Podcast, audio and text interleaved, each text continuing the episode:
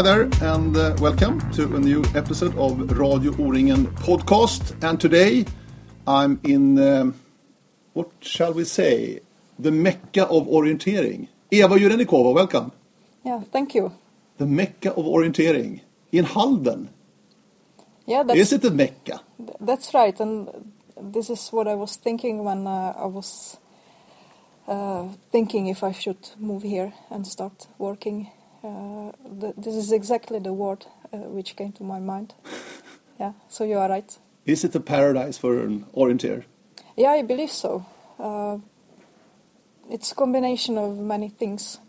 Uh, of course, terrain, uh, the availability of many different maps close to the town, uh, the climate. We are in Norway, but many people would be surprised how little snow there is during winter, almost no snow. Uh, since I moved here, we have been able to practice orienteering all year round. Uh, and then, uh, yeah, the town is small. It's about 25,000 inhabitants. But the concentration of uh, orienteers and uh, elite orienteers and former elite orienteers is uh, quite quite high. Mm. Um, yeah, And Halden is situated very, very, very close to Sweden. You moved from Sweden to Norway, but it's very close to the border. Can, can you see that in any way that is a, it's a border town here in Norway? yeah, definitely. Uh, from my house, uh, I can, if I look out of the window, I, I see towards Sweden. It's just uh, yeah, about three kilometers on the other side of the fjord. Uh, I can, uh, yeah, the Swedish radio. I can, I can listen to it. Uh, there is, yeah, on the other side of the border, uh, there is not really any big town. It's about half an hour to Strömstad, but there is big shopping center uh, just when you cross the bridge. Uh, so for for many people around here, it's popular to go to Norway, uh, to, to go to Sweden for shopping. Yeah. And also in the club, I'm not thinking about it, but uh, there are quite many people who have Swedish origin and uh, who speak partly Swedish. Yeah. Uh, you said that the climate there is no snow in the winter, but there is Halden Ski Club, ski club. Yeah. How is it possible? Yeah, well, uh, I, I guess there used to be more snow, and some winters probably there there is more snow. At least on the top of the hill where the clubhouse is situated, it's about uh, 230 meters above sea level, so it can be some snow on the top and uh, no snow at yeah close to the sea. Um, and uh, yeah, we we, we have uh, or people people do ski, but uh, in order to do that, most of them they have to go to the mountains. They have cottage close to Lillehammer or somewhere. Uh, but actually, this year we had a, a ski championship, club championship on the top of the top of the hill uh, around the clubhouse. Uh, it was possible to ski there mm, about two weeks, I think. Yeah. In this episode of Radio O-ringen podcast with Eva Jurenikova, we will talk about uh, training and Eva's, uh, what can I say, philosophy and visions maybe for uh, training to be a better orienteer. Uh, also about your journey from Czech Republic to Sweden and Norway. And also, I think we will talk about the international orienteering and uh, the health right now of the international orienteering, the, the program, the World Cup and the World Championship. So it's a lot to talk about with you, Eva. But let's take it from the start. In Czech Republic, in Ostrava, or wh- where was it? Yeah, I come from Ostrava, from the third biggest town, and actually my my parents uh, they are uh, they were not orienteers when uh, when I started. It was uh, yeah a little bit of coincidence, or my mother she was searching for some kind of sport uh, for me and for my brother, and she somehow heard about orienteering and she got the Uh, impression that it was a healthy sport that you practice in the forest. So she found the local club and took me and my brother to the club, uh, yeah, to the trainings. Yeah, that's how I started at mm-hmm. the age of 87, I was nine years old. Mm. Yeah. But how is orienteering in Czech Republic? Is it a big sport in any way? Popular? Yeah, I was Easy to find in the uh, cities? At that time in, in the in the uh, in the town there were a few different clubs and in the district uh, no, northern Moravia actually uh, at least the youth team was one of the best in the country despite the quality of terrains I would I would say. And we had the club training several times a week. Uh, yeah I think it was working quite well. We had some uh, within the within the region uh, some like regional team and training camp and uh, we were friends with with the yeah people from other club. Uh, and I think nowadays I was reading in Czech Republic actually that the number of people registered in the federation has been increasing. And uh, that was a nice surprise. Uh, because I can see that in, in Scandinavia the numbers during the last uh, 15 20 years been pretty negative on the way down and, and being able to see that in Czech Republic actually orienteering is on the way up uh, I yeah it was pleasant surprise. And but I think it's it might be partly due to the fact that uh, orienteering has been quite visible on TV in in Czech Republic actually uh, I would say that Finland and, and then Czech Republic are those two countries showing orienteering most of all.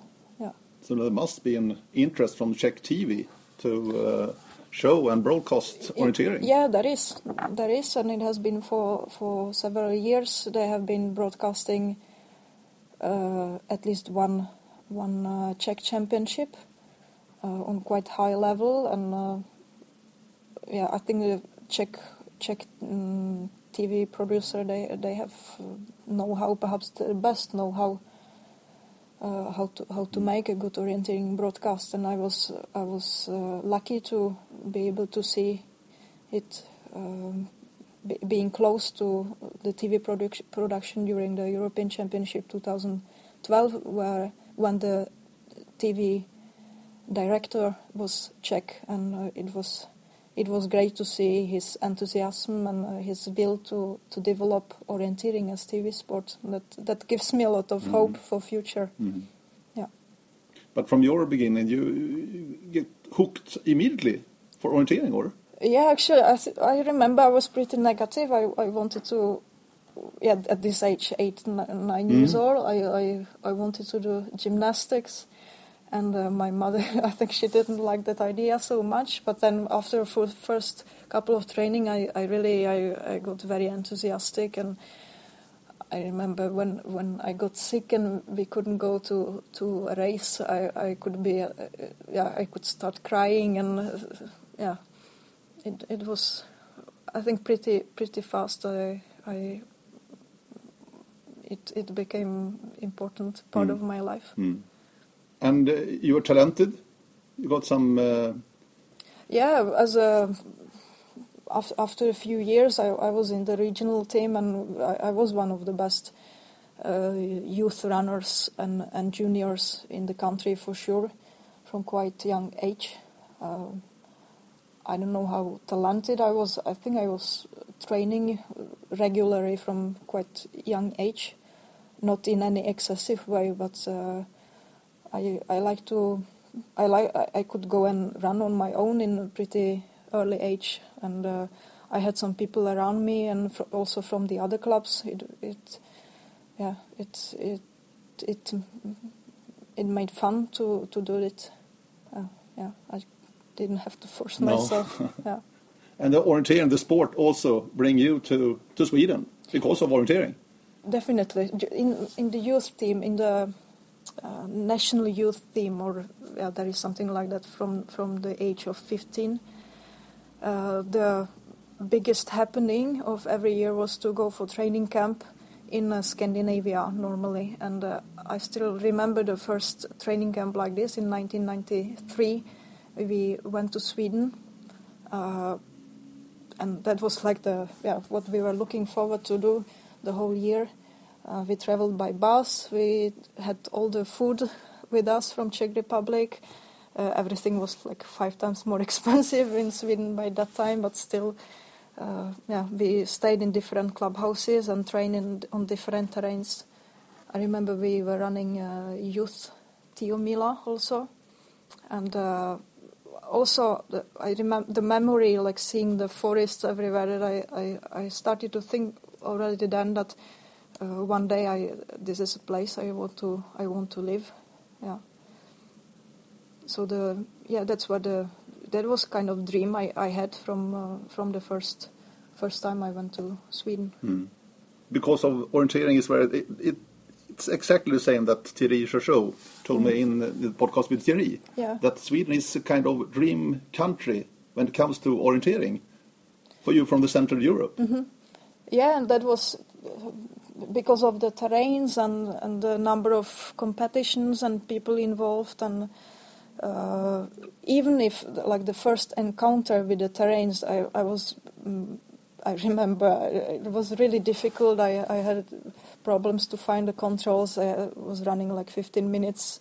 It was good to get under 15 minutes per kilometer the average speed, and uh, I, and I realized by then that it will take a long time, a lot of practice to to master the terrain. But still, uh, yeah, it was perhaps it was a bit naive, and I was thinking you, you, you see just the positive things about about that about the, the nature and everything but uh, I I got the dream uh, yeah during those trips I mm. think yeah but but how was it to move to Sweden because orienteering is one thing but the the, the other life uh, yeah it's not that easy for everything me it was a bit step by step because I I I got the possibility to stay with the with the family in in Stockholm, in IFK Lidingö, uh, and uh, yeah, I spent some weeks there during during spring. I could yeah live with the family. I was training with the club,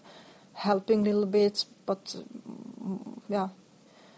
Uh, and I realized also very uh, in very early stage that uh, I have to learn Swedish, uh, and I was very motivated to do that from the beginning. and I, I decided very early to go from English to Swedish.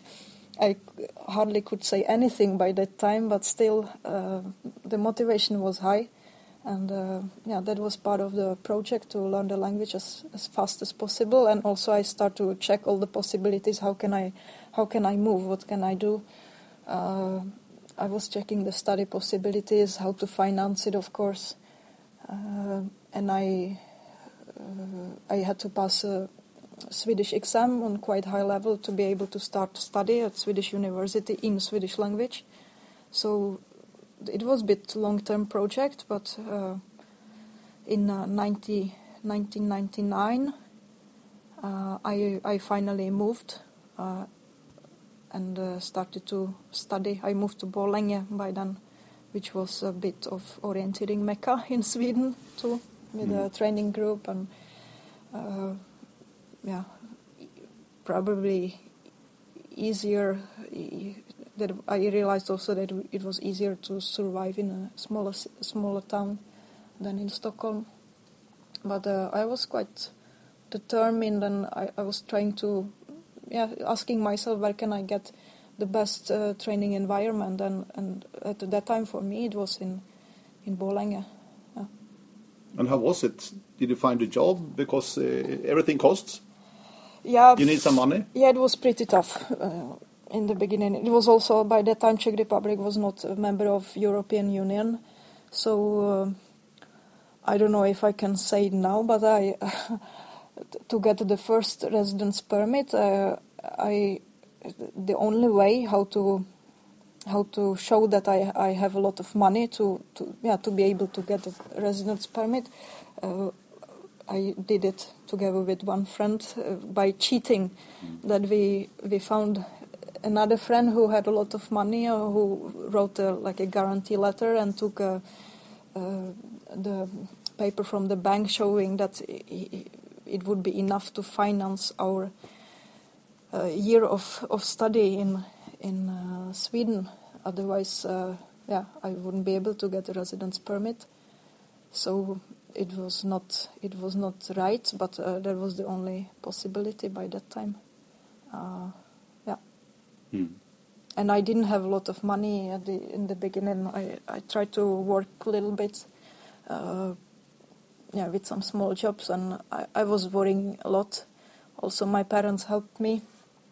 Uh, I get some. I got some prize money before I moved as last year junior, uh, which I used in the beginning. Uh, yeah, I'm still amazed with how little money I was able to survive the first year. But during the first year, it was constant worry for me how to how to survive, how to. Uh, I wasn't sure if I would be able to extend the residence permit, and I think that was a one reason which got me actually to stop orienteering or stop the elite orienteering at least for for a couple of years there, because I was just too. Yeah, too, too worried and uh, it was not making enough fun. I didn't Mm. feel enough security. So even if I was in the middle of the on the on the environment, I, I needed a break. Yeah.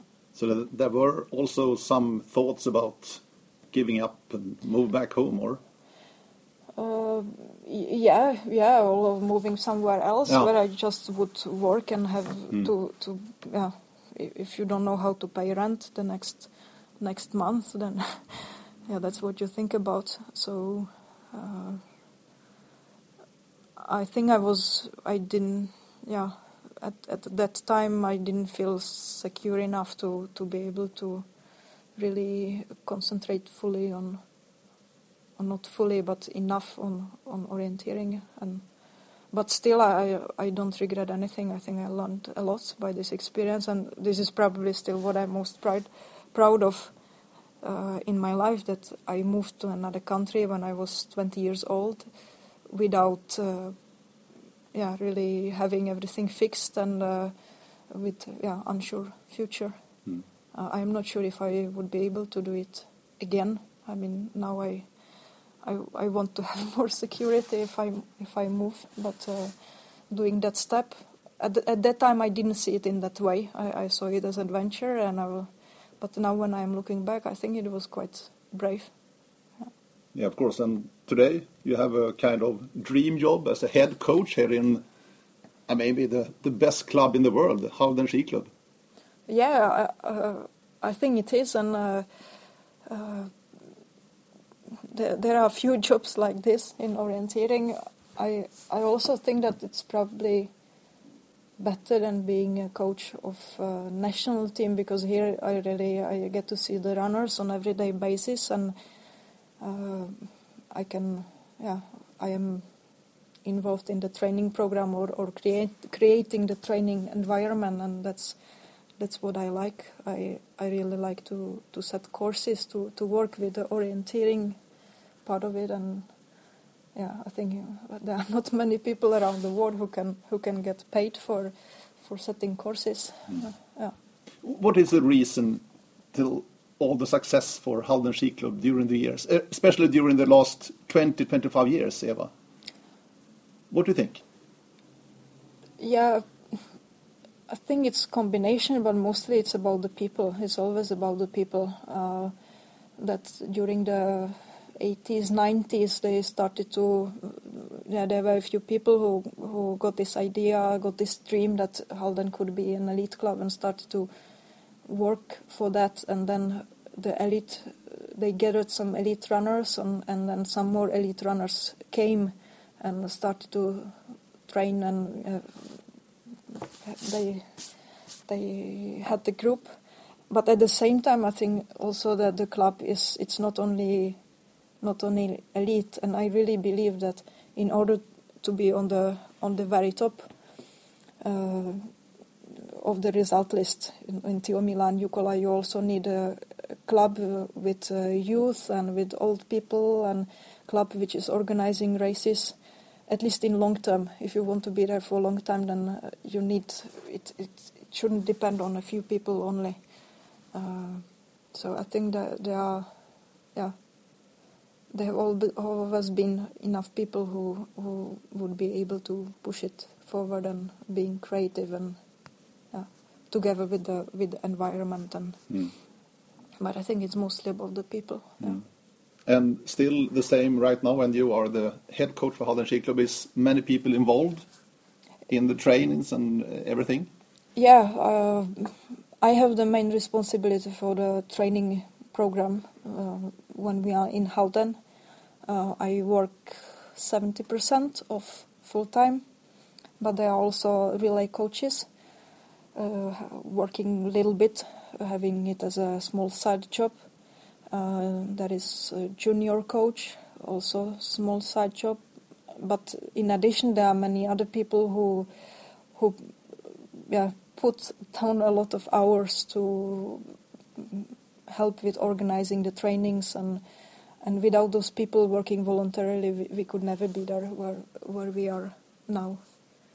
Uh, are, there any secrets here in Halden because of your success? I mean, training or philosophy or something.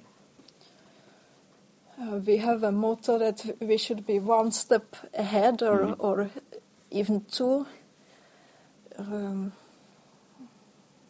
I'm yeah we, we we try to be and we have a lot of we have a lot of discussions how to how to develop a lot of sometimes we are arguing also having dip, different opinions where we should how we should uh, bring the the club or the elite uh, forward um, I try to be very open about what we are doing uh, we are, for example with the trainings we put almost everything on internet on the courses maps so if people are interested, they can they can see. And I, I don't, there isn't absolutely any secret. Uh, the quality quality of training uh, is pretty high on the priority list, not only of me but other people.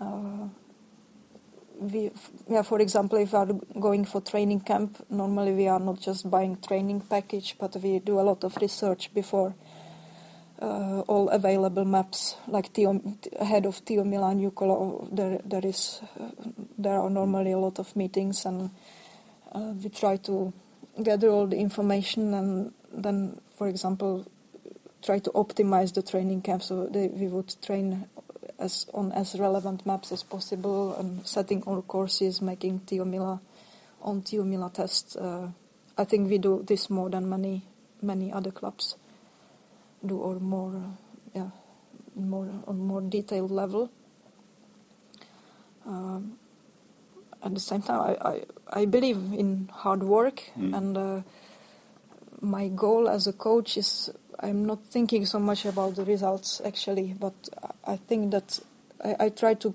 create a training environment here in Halden uh, which is which is the best which has the best quality in the world um,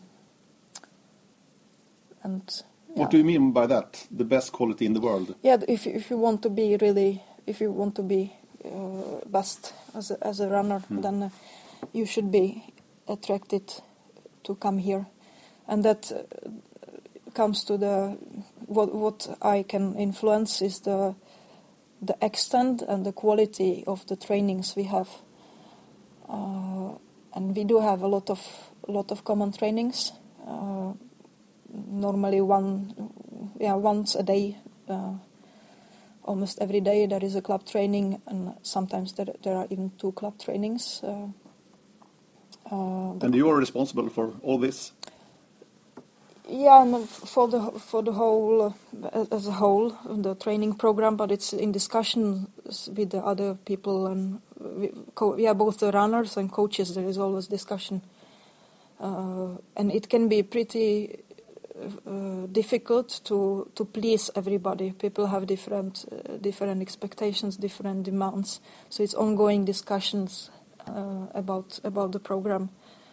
Uh, what I put a lot of energy is the quality of the of the technical trainings. Uh, yeah, and that's I I am responsible for most of them. Uh, when I set the courses, but uh, I am not the one putting controls mm. for that. Normally, other people are helping as a, like doing it on the voluntarily basis. Uh, I am normally present at all the trainings, but I do participate in them myself as a runner. Um, I still have some ambition as a as an elite runner, and yeah, try to combine the, the role of a coach and as an athlete. It can be quite quite difficult sometimes when like to take the step, uh, and it's virtually just one step. Sometimes, for example, when he, we have relay training and I explain uh, what we are going to do, I'm standing in front of the runners and then I put the maps on the ground and I, I count down before the start and I just uh, go and yeah, stand behind one of the maps and start together with the with the runners. And uh, yeah, it can be difficult to concentrate and hence and switch the way of thinking, or I can be running and observing the runners at the same time as I try to do my own orienteering. But I have been in this position for mm. for so many years. Uh, I worked as a coach in IFK Mora before, so I'm I'm used to it. And I think as a coach, uh, I also have some advantages that I am still uh, thinking as a runner, and I experience the same things as as they do sometimes it would be better if I would be there standing in the finish and uh, yeah, seeing it more from the distance. But I think it's also that I can be there uh, when it's happening. Uh, that it it has some positive sides. Mm. But how is it, Eva? Uh, I mean, how is it to satisfy both the professional Olav Lundanes, world-class runner, and the girl of 17, the very good junior? Mm. Is it is it is, is it an easy task to satisfy both of them with the trainings when, when you are planning it? Yeah, it's. Uh, I think I try quite a lot, and sometimes I'm criticized for that too. That I should think more what is best for the very best, and uh,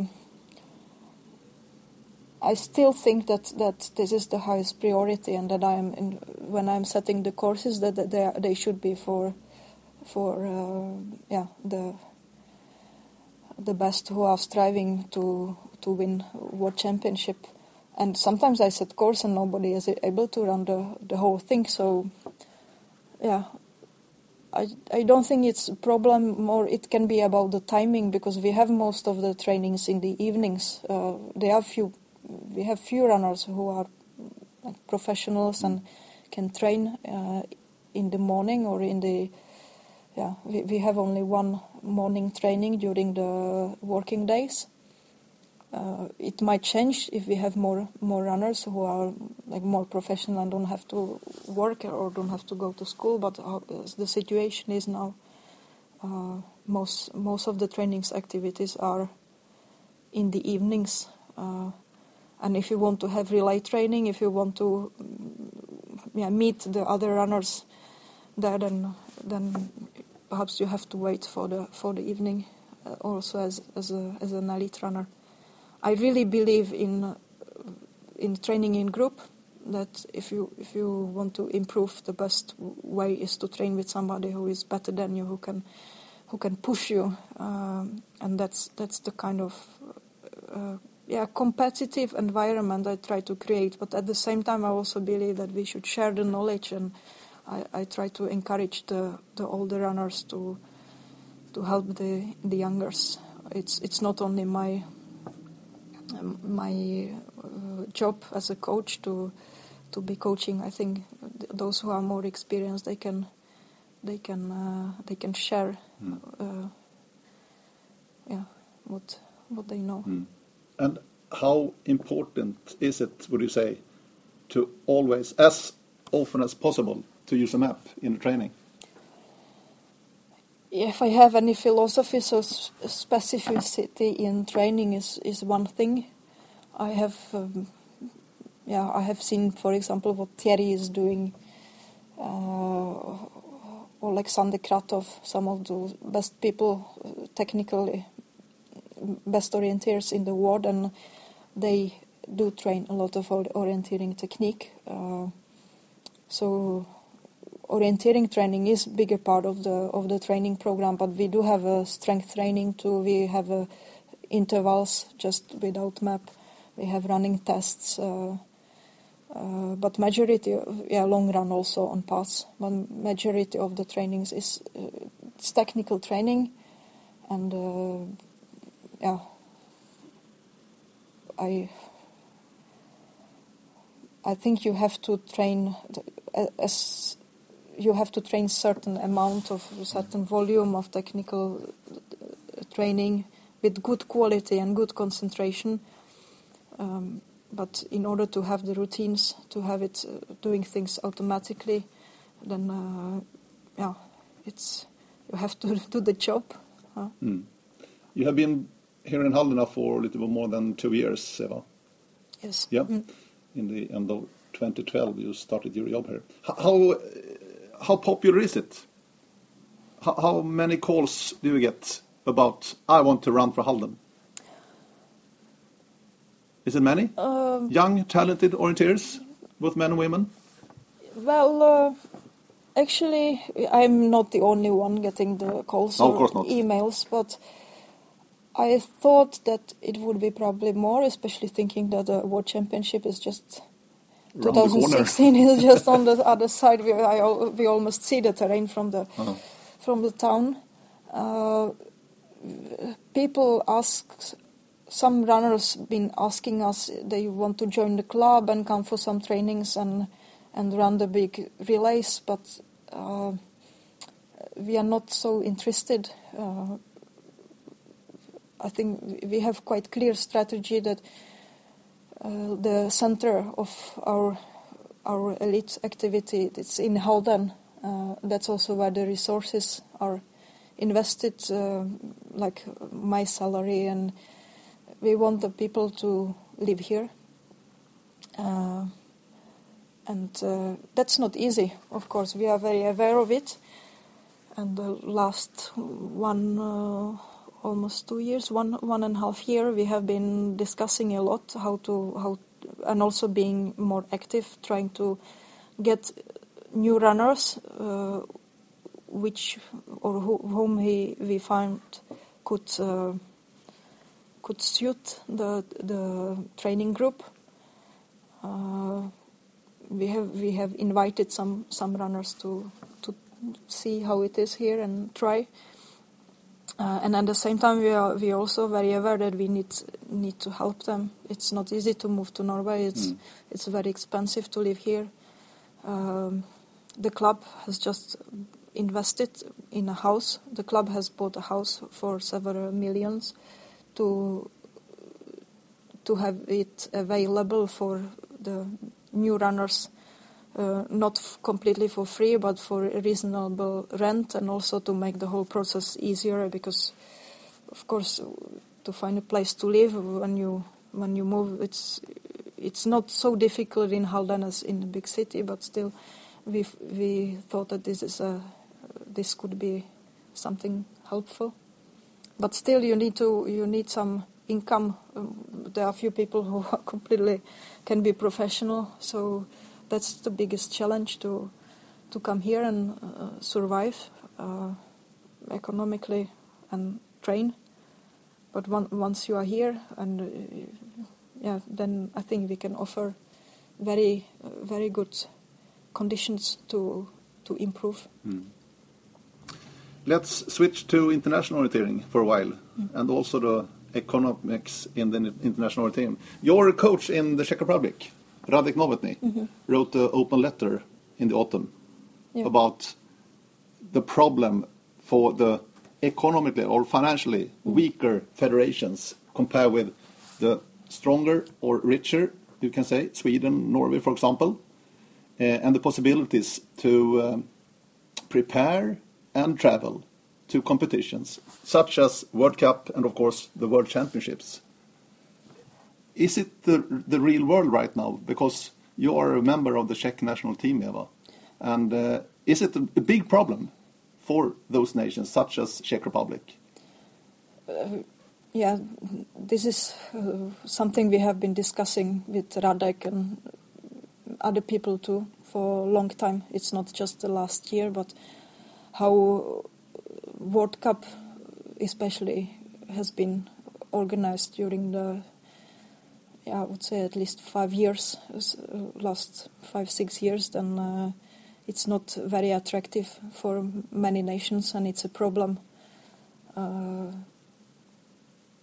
I think Czech team still is still in quite a good situation comparing to many other countries. So we are not the first to to complain, but uh, for Czech team it has almost never been a goal to participate in the in the whole World Cup series. It was more picking up few races to to get possibility to compete against uh, against the best runners or some of the best runners, but. Uh, I think it's a problem that the World Cup, how it has been functioning for for the last couple couple of years, that there are very few nations participating, and uh, it's it's not really affordable or it's not attractive enough. Uh, and even for nations like for the richest nations, they are not so rich, and it's often that the athletes they have to have to pay part of the part of the costs. Uh, I I had a hope when uh, Simone and Matthias Niggli came with the proposal that uh, there could be a change, uh, uh, the whole change of the system, uh, that they would get a chance to to do it, but they yeah they were listened to, but not not giving the possibility. So I don't know if we can expect that some something big will happen. Mm.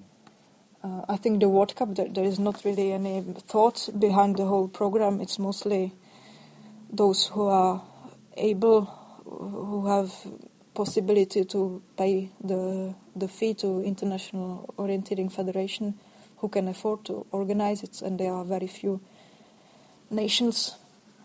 So how the program looks like. It's changing from year to year, and it has been a lot that only one that, there was a only one race or two races in in one country, and that's not really economical to to travel somewhere.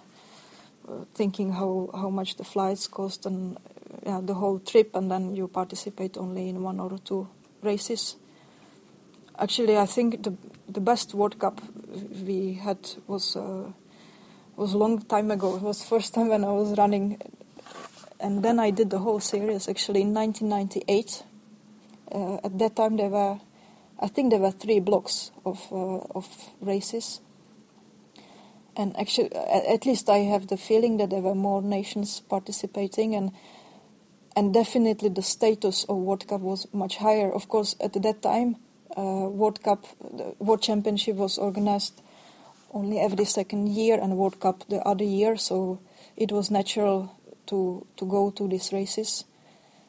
Uh, yeah, I still have the maps, and sometimes mm-hmm. I'm looking at them, and and when I compare it to some some of the races we have had recently, it's just uh, yeah it's it's quite different. But the biggest difference is to see how many nations are participating, and uh, it should really be big concern of IOF how to make it affordable for as many nations as possible, and how to make it economical. Uh, and then I think you need a block of, of several races, and also you, you need to yeah, for example, having a, having possibility of cheap accommodation, uh, this should be demanded uh, from IOF that the organizers they have to provide uh, accommodations of on different levels, different different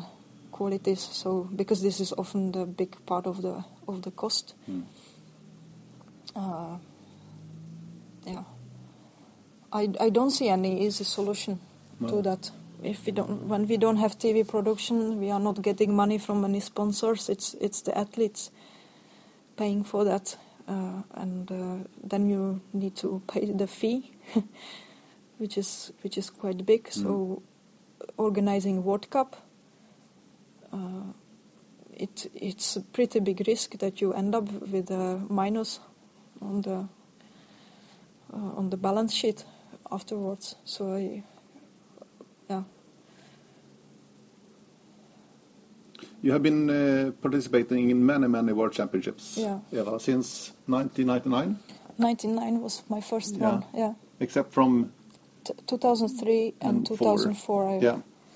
What, what kind of development in the World Championships have you seen during these years? Is it any?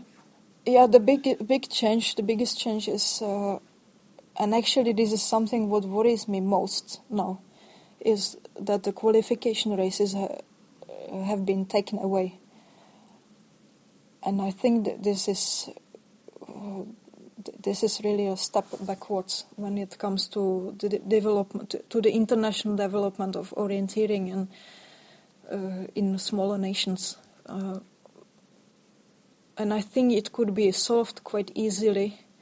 But how the situation is now, when countries, for example, like Spain or Portugal, only have one place in middle distance and one place on long distance, uh, it's it's not enough motivation for the runners in, in the country to, to prepare for world champs if they know that only one one uh, person gets to run.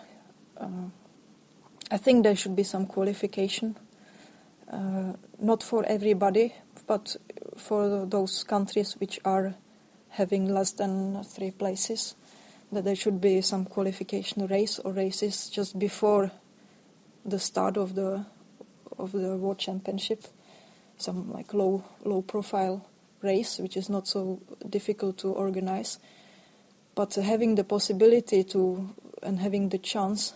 Uh, to qualify, I think it would make a big difference for many nations. Uh, and I really hope that this will change soon. Uh, I see it as a as something very negative for the development of international orienteering. And I am also I am I'm almost wondering why these nations why they don't unite and try to protest, uh, try to ch- really change the rule. I see that it has been accepted, and or they see that they don't have the power. But yeah, this is something I have been thinking a lot about, and also if, if I could make some change uh, and motivate other people, I, th- I think this is a big problem. But but this system, this new system, was Mm. introduced last year in Italy, Yeah. and you want to change it back right away. Yeah, not back, but to introducing the qualification races in a, in a new way. So why it was taken away was that uh, there there are too, there were too many races, and with the introduction of sprint relay, it would be one more race, and that's just impossible to to participate for the best in, in all of them.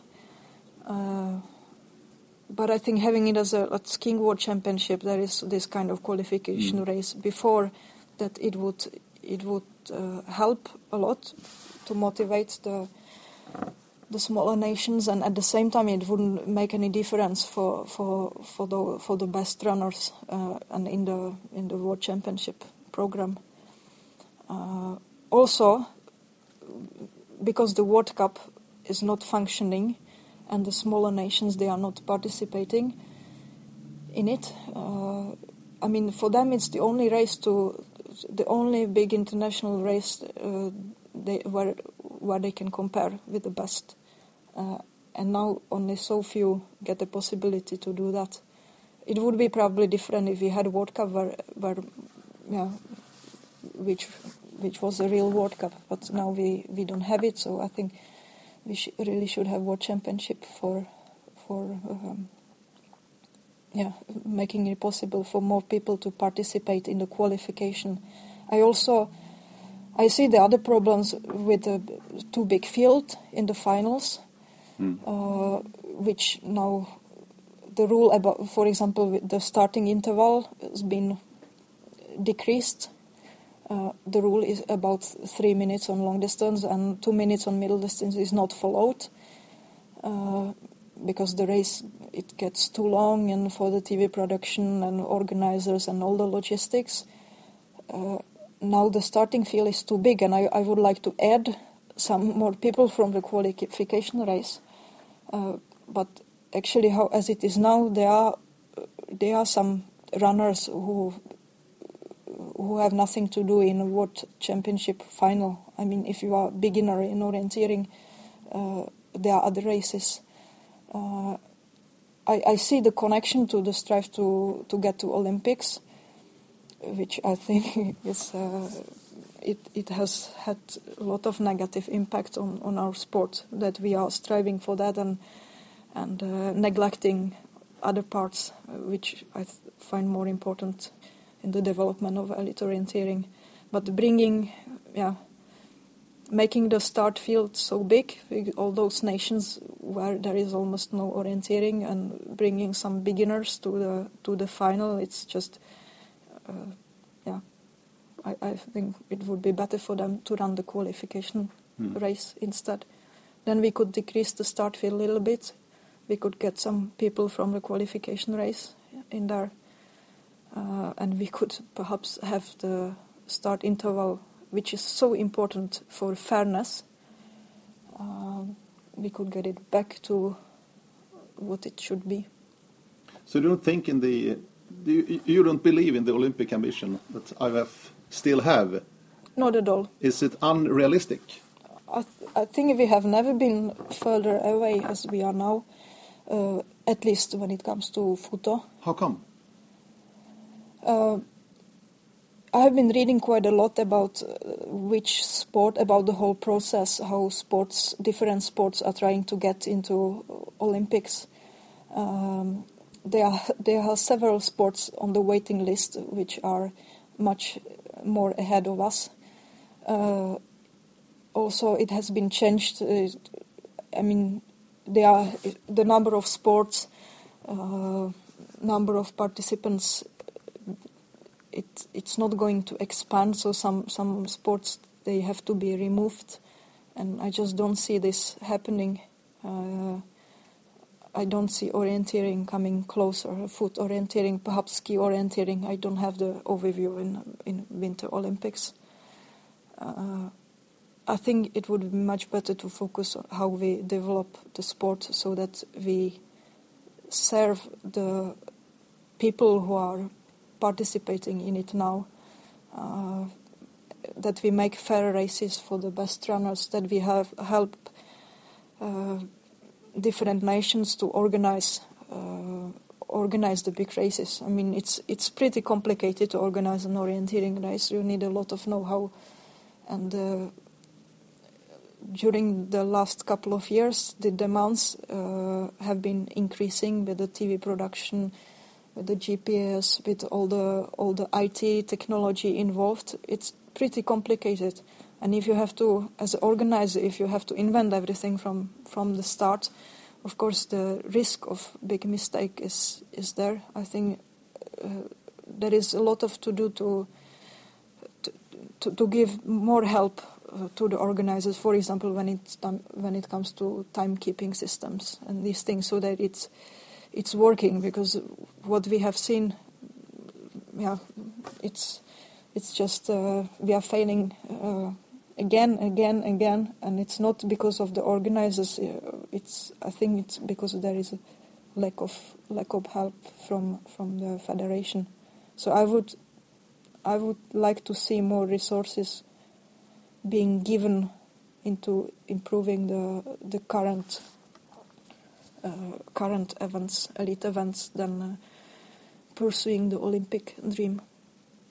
What do you, what do you say about the proposal came from uh, Sweden and Norway, maybe Finland also? I don't know about the split. Yeah, the split exactly.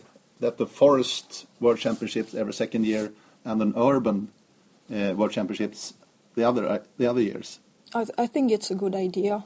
It's uh, it has been hard to find the organizers of World Championship uh, last yeah, for 2017. I think there were several deadlines and nobody nobody applied to organize World Championship, and it's it's pretty tough to to do it. There are few countries having the resources, few countries having the money to pay, pay the big fee, and splitting it uh, would make it easier to organize, and also it would make it, uh, yeah, it, it would make it possible for more countries to to organize that way.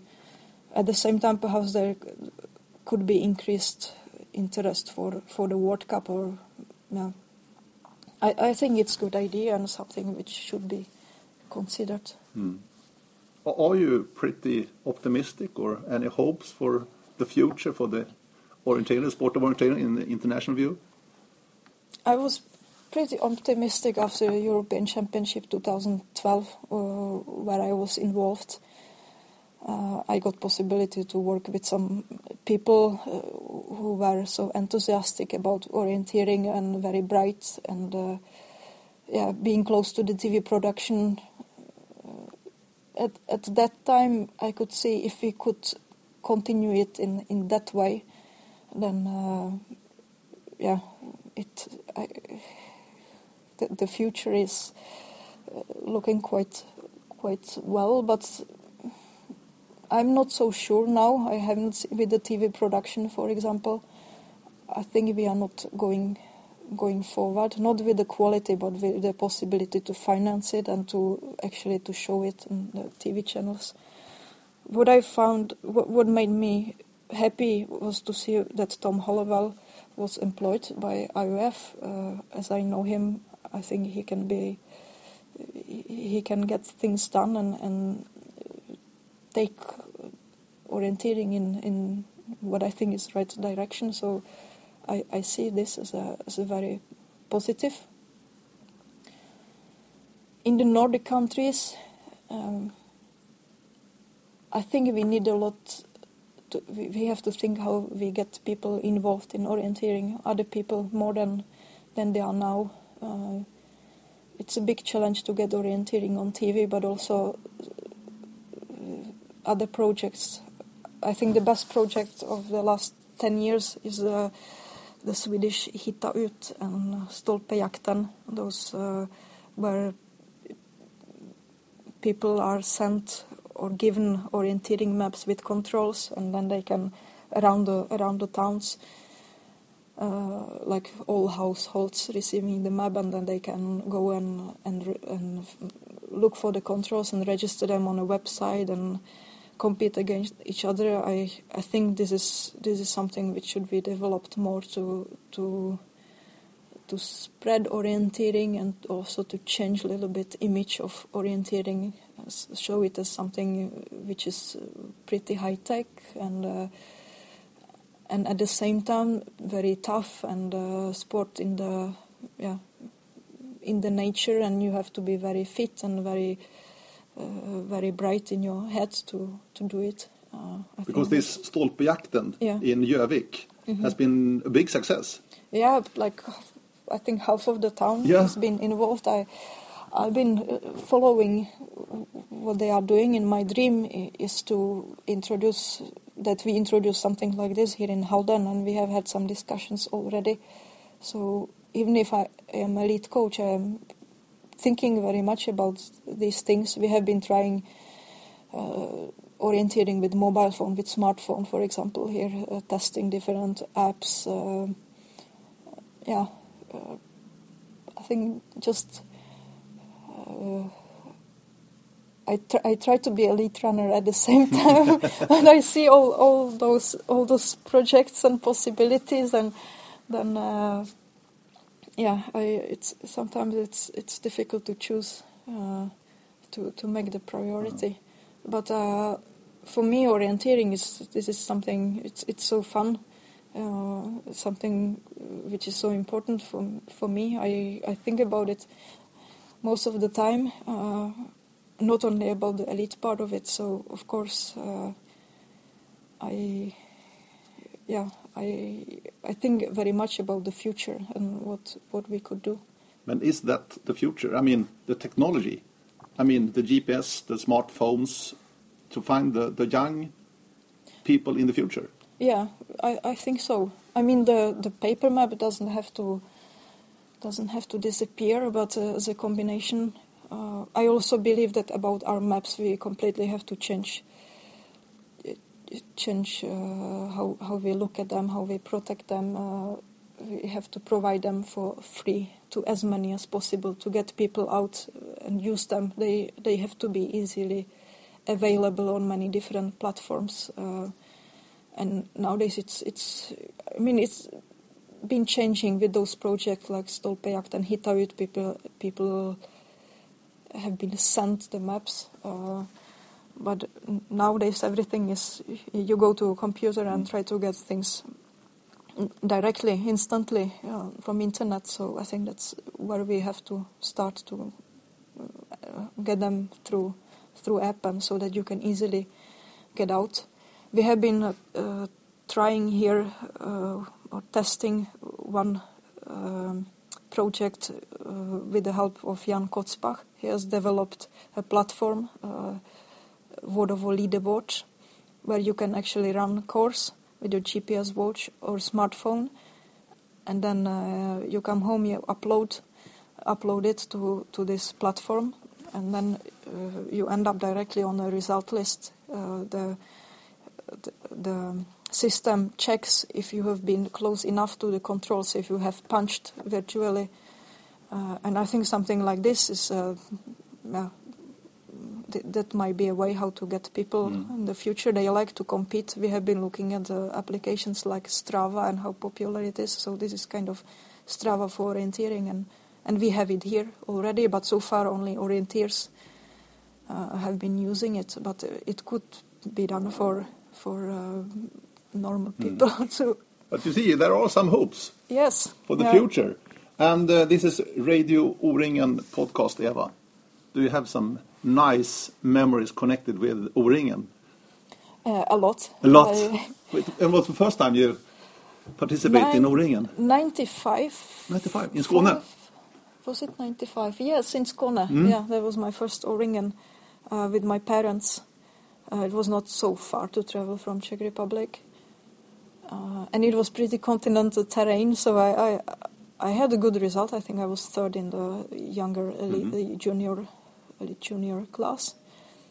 Uh, and since then, I I participate many times, uh, and I especially the last years when it stopped being in the super elite class, when when we were allowed to do the full O-ringen, the five days, because there was a period when it was only three days because it was too mm. close to World Championship. Uh, I think this is really the ultimate race, kind of where you have to you have to run all the, the different distances, and it's pretty, it's it's quite tough. For me, running O-ringen, for example, comparing it to the uh, the series, the World Cup series we had before with uh, how was it called? I forgot already. Mm, what do you mean? The week of World Cup races, mostly sprint and a Park World Tour? No, no, no, no, no. Uh, Nordic Tour. Yeah. Ah, Nordic Tour. Ah, okay. Yeah, for me, comparing O-ringen and Nordic Tour, that was a easy choice. Uh, yeah, mm. do, doing all the races in in and at the same time having all the people it's it's very seldom that for example during the O-ringen sprint having such a big crowd cheering on you that that was that was a nice experience mm. uh, and um, mostly yeah, the, the maps are of good quality, courses of good quality, and and uh, it proves that it's possible to to have orienteering on the highest highest level, and at the same time have many many other people running at the same forest this at the same time without compromising the quality, and that's that's really nice to see. So I have been enjoying it a lot. Um, best memory is perhaps from from Örebro a couple of years ago when I finished second. There was like when I realized that I, I perhaps I could be good enough even for a cha world championship medal. Uh, yeah. Uh, and also being proving that you have the consistency and that you can focus so many days in in row, uh, doing some long distances uh, one after another. That's seldom that we are we are asked to do that nowadays. Yeah. Yeah. And uh, finally, it's a spring coming up mm -hmm. with uh, Tiomila and later on in the summer Jukola. How important is it here in Halden with these two big relays? Yeah, it's pretty important, of course. It has always been. Uh, For both men and women? Yes.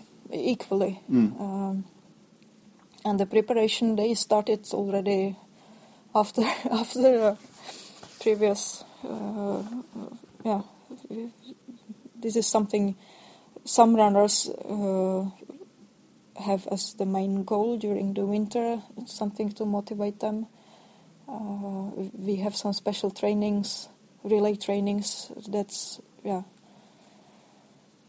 Uh, Tiomila training camp uh, is coming soon. It's uh, it's pretty important. We we just had a meeting uh, actually on Saturday Saturday afternoon. I had like seven hours meeting first together with girls and then Seven hours meeting. yeah, but in two different groups. Wo- women women first. Uh, we have some special projects discussing about uh, about the mental side of. Uh, for example, what, what happens if you are not selected in the team where you think you should be, uh, together with Vendula, when, when is uh, uh, the responsible for the projects. And we, we have had a lot, we have had a few meetings already, ha- having some small presentations and questions and trying to discuss together. And then, uh, and then with the men also, we have been uh, we had a meeting, I think, three hours on Saturday. yeah.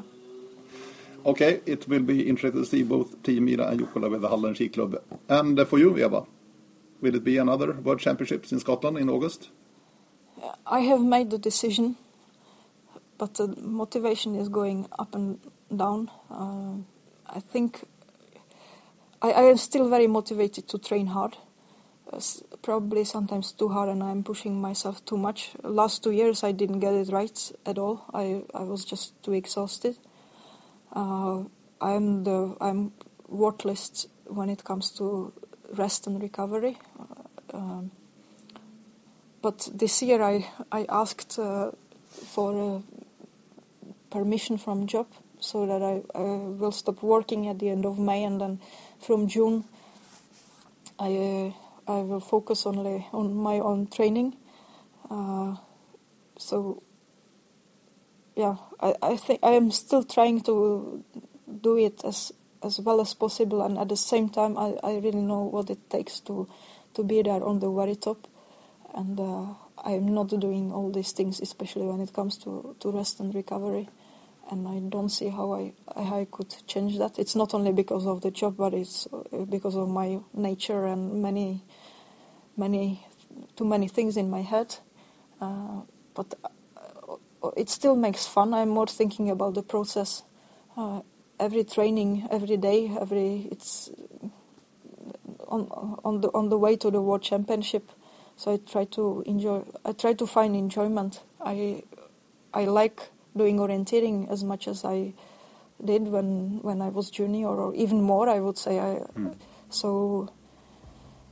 Uh, and I still believe that I can I can develop. This is what is motivating me more than the the medals and the results. But seeing possibility to to develop in some way is, uh, yeah, it's it's a big part of my motivation.